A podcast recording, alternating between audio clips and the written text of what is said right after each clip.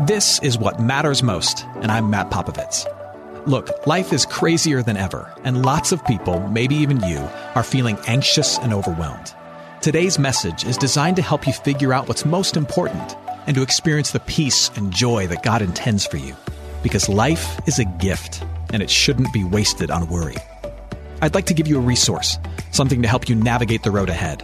Just go to mattpopovits.com, click on the icon, and we'll send it to you. That's Matt, P-O-P-O-V-I-T-S dot com.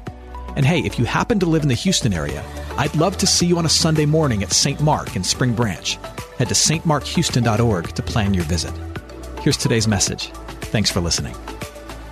Today we are starting a new teaching series called Last Words. We're looking at the last words of Jesus on the cross as we head into this season of Lent. Um, one of the things that, that I personally find interesting about us as human beings is that we, we have this romantic idea that the last words of a human being need to carry incredible weight.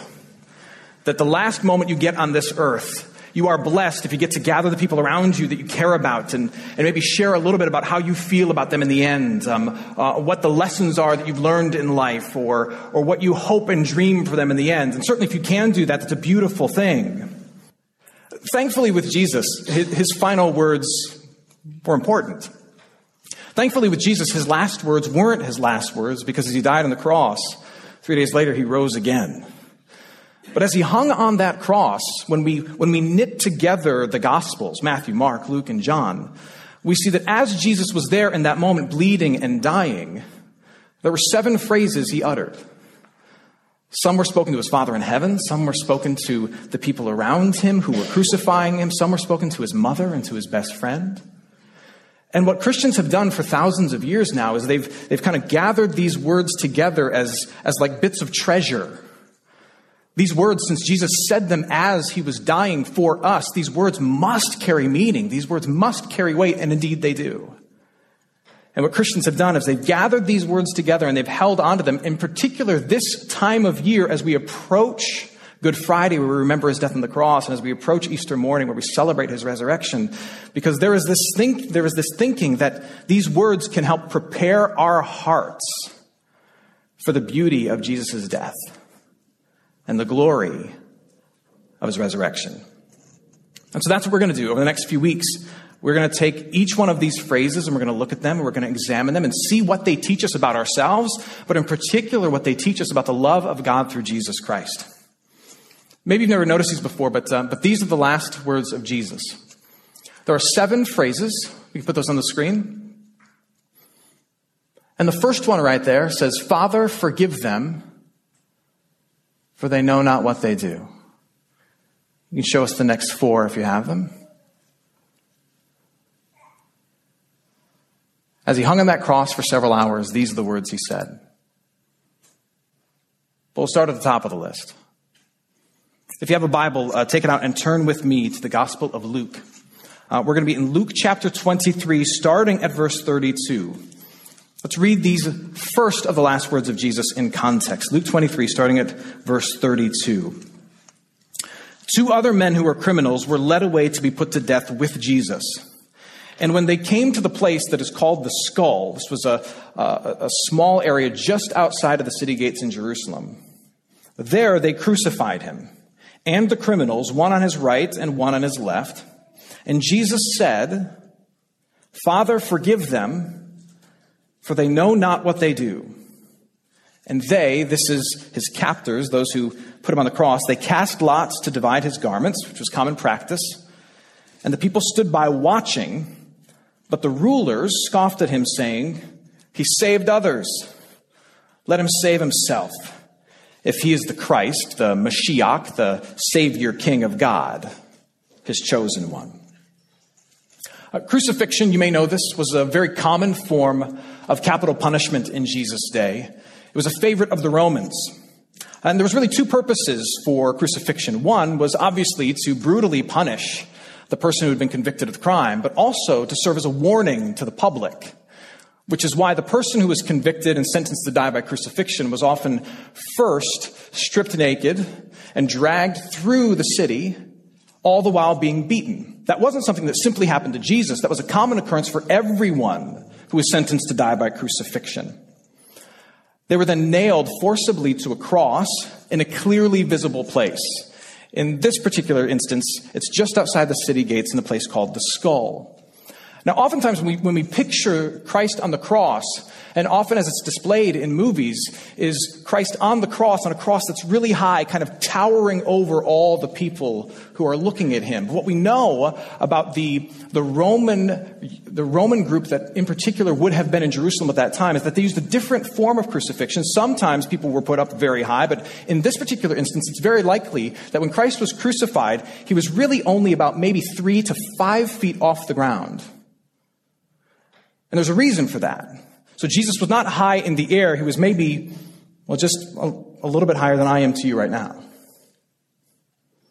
Hanging before the people. And the reason for that was because in this particular instance, when these Romans crucified people, they encouraged the public to come. They encouraged the public to come and to see and to stand right in front and to touch and to step in the blood and to hear the screams and to look them in the eyes. And it was all a warning. If you act out, this could be you too.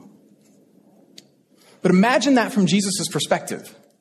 Jesus is hanging on the cross, maybe just a few feet above the heads of those who are watching him, and he's able to look them in the eyes. And the people are a mixture of scoffers, people who are pointing the finger at him, people who are spitting on him, People who are mocking him, saying, You saved others, you can't even save yourself. And they're not a thousand yards away, they are feet from him.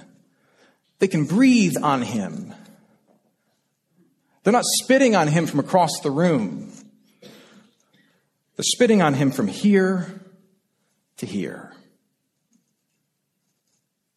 And now, in that moment, knowing that you are being unjustly murdered, in that moment where your enemies are a foot from you, spitting on you, screaming at you, breathing their hatred on you. What do you think Jesus would have had every right to say? He would have had every right to scream out, Father, crush them like they're crushing me. He would have had every right to say, Do not let them get away with this. He would have had every right to scream at them and shout back at them and let those be his last words. If that is what he did, would you have blamed him? But instead, what does he say? He says, Father, what? Forgive them. Their feet from him gambling for his clothes and spitting on him. And in that moment, he says, Father, forgive them. They have no idea what they're doing. And this is unexpected. This is beautiful but it's more. If we really hold on to these words and look at them in this context, they are like a, like a treasure chest for us. It looks very, very simple, but you crack it open and you find that there are all these jewels that, that teach us deep and profound things about the nature of forgiveness, in particular the forgiveness of God. So, so if we take these words of Jesus, where he is being mocked and murdered, yet asking for the Father to forgive them, in that very moment, if we look at these words, the first thing I think it tells us, it reminds us of who it is that we sin against. Not just who it is that, that these people were ultimately sinning against, but when all of us step out of uh, step out of God's design, who it is that we're sinning against. And the simple answer is we're not just sinning against each other, we're not just sinning against our own vague moral code, but in the end, all sin is ultimately a sin against who? It's a sin against God. Notice Jesus doesn't ask them to forgive each other. He doesn't say, hey, when you figure out what you've done, you're really going to be mad at yourself, so cut each other some slack. He doesn't even say, no, I forgive you. What does he do? He calls upon the Father in heaven to forgive them because what he knows is this, that all sin, even the most egregious sin of rejecting God's sent one and nailing him to a cross is ultimately not a sin against Jesus, but it's a sin against the Father who sent him. If you let that sink in, this idea that all of our sins are ultimately a sin against God is both comforting and terrifying. It's, it's terrifying in the sense that, that in those moments where we're the perpetrator, we, we like to think that we're maybe only accountable to a few or we're accountable to ourselves. But what this tells us is that in those moments where we're the perpetrator, that the God of the universe stands behind the ones that we've hurt and upholds their hurt and says, ultimately, you have hurt and you have harmed me.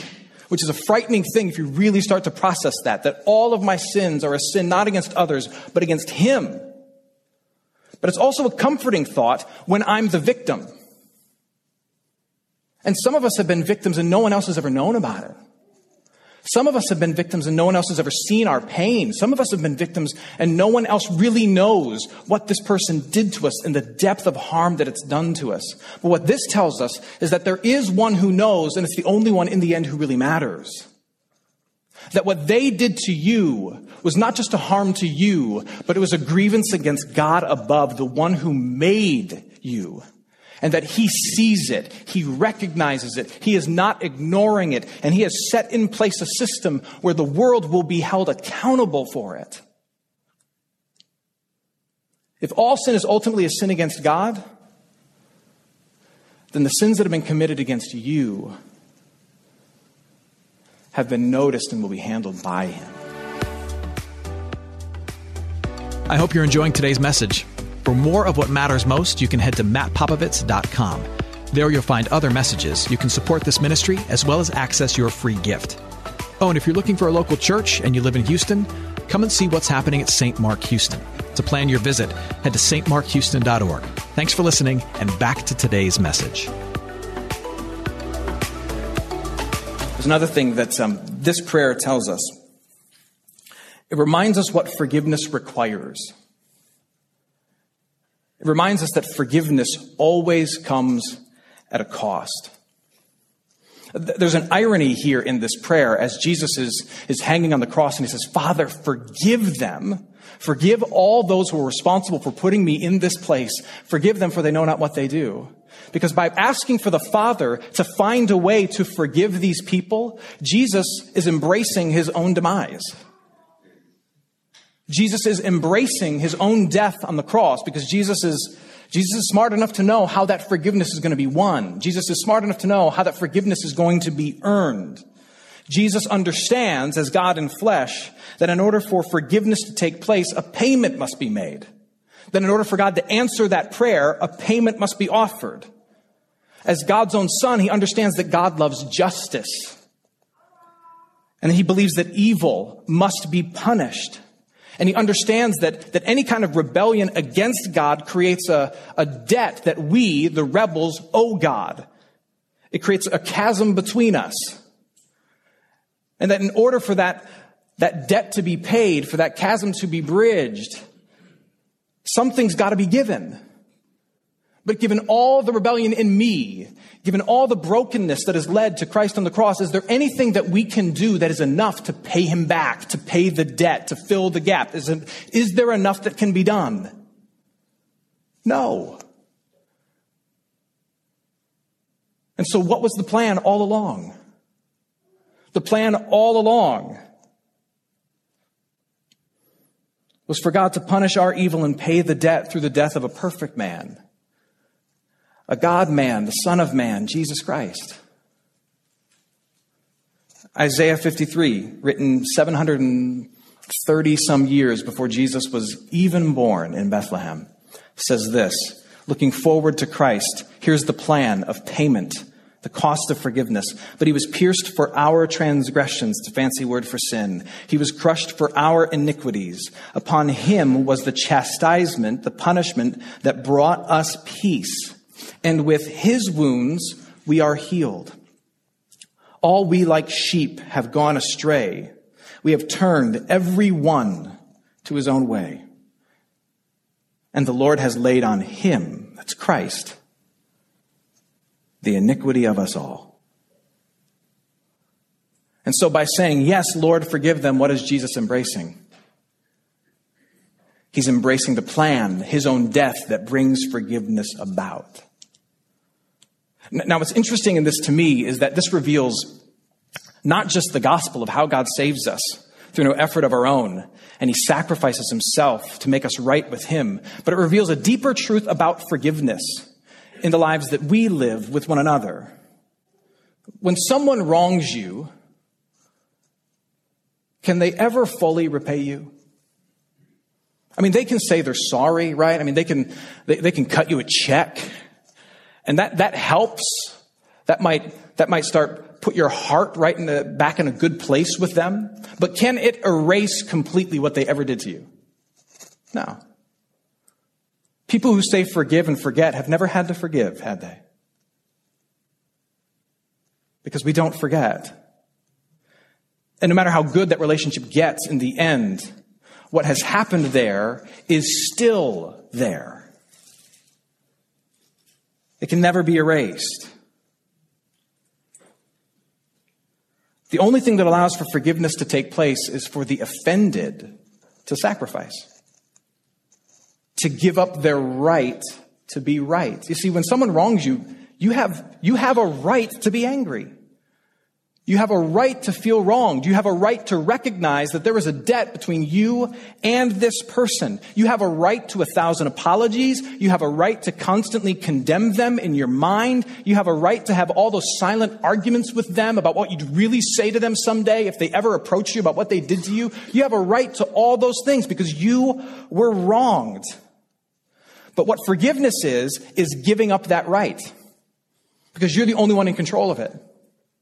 They could never do enough to erase that, to fill that. And so what forgiveness is, is the person who's been offended saying to themselves and sometimes directly to that other person, you don't owe me anything. You hurt me. You wronged me. But I am no longer going to demand from you what you can't give to me. An eraser. So let me ask you who owes you? Who has wronged you? And can you even fathom saying to yourself and eventually to them, You hurt me, you wronged me, but you don't owe me? In order for forgiveness to take place, it's not up to the offender, it's up to the offended. To let them go. And yet, what does Christ give to us? He gives without demanding a thing. He offers without us first learning our lesson.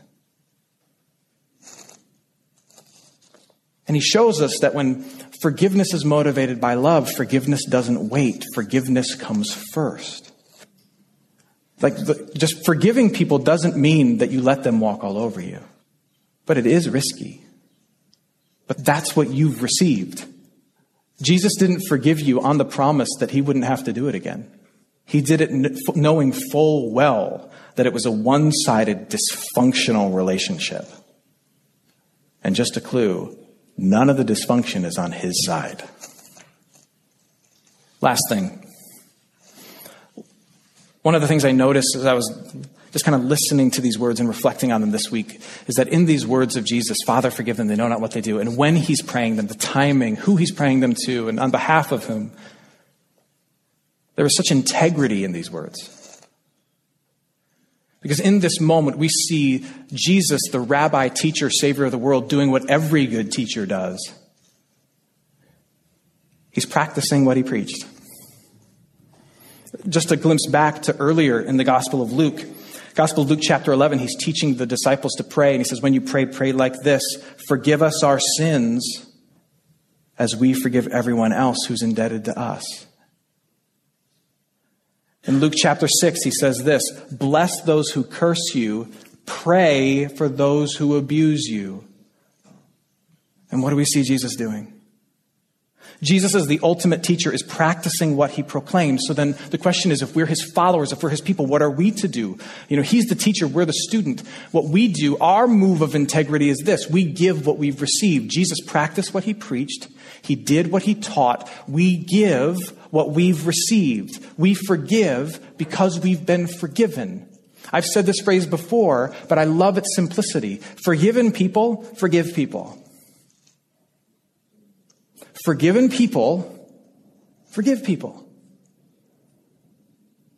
It's interesting with children, they do what they've received. Like, so my daughter, like, she loves hugs and conversations, like one of her two favorite things in the world. You know why she loves hugs and conversation? Is because from the day we, she was born, my, my wife and I, we hugged her and we talked to her like a valuable human being and we tried to dive into her heart and to her mind. And so now she hugs people and she loves to chat with people. Because what you give is what you give back to the world. It's why one time I was walking past her bedroom and I heard her lining up all of her stuffed animals, and she said, I will give you a cookie as long as you don't tell mommy. because what you give is what you give back. What you experience, what you receive, is what you give to the rest of the world. Forgiven people, forgive people. What is the motivation for you in your heart and mind to say to the person who did horrible things to you, you don't owe me anymore? What is the motivation for that kind of sacrificial, counterintuitive, countercultural love? And it's countercultural because we live in a world where the biggest prize you have is your victimhood. Yet you set that aside. Why would you do that? Because that's what's been done for you. Forgiven people forgive people. They sacrifice their right to be right because they know that's the only way things get better.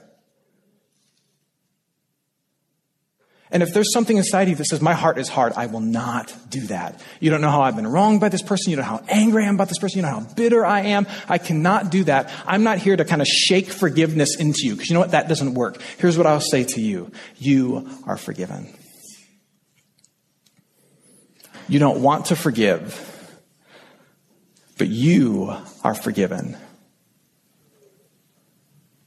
Now go and do likewise. One of my favorite quotes is from C.S. Lewis. Uh, he says this Everyone thinks forgiveness is a lovely idea until they have something to forgive. It's not easy, but it's powerful. You want to know how powerful it is?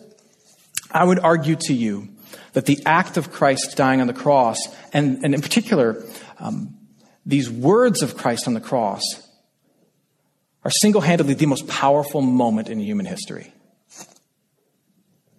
The most earth shaking moment in human history was not a display of human greatness in terms of strength. What changed the world profoundly wasn't the dropping of a bomb or uh, a billion dollar idea. What changed the world was, was a man who was not guilty being killed for crimes he didn't commit, yet with the words on his lips and through the act of his death, he offers up forgiveness to his enemies, of which we are included. And thousands of years, we're still talking about it. Six weeks from now, billions of people will celebrate it. So here's my question for us as we finish What if the act of forgiveness is still the most powerful force in the world? If Christ's act of forgiveness changed the entire course of human history, what if our act of forgiveness is equally as powerful in our little world? What if the act of forgiveness is still the most powerful force in the world? You have sinned against God. But through Jesus Christ, you don't owe him anything. Anything. Who has sinned against God through you? May you tell them the same. Amen. Hey, it's Matt. I hope you enjoyed what matters most. Here's what I need you to know life is a gift, and it shouldn't be wasted on worry. I want to help you figure out what's most important and to experience the peace and joy that God intends for you.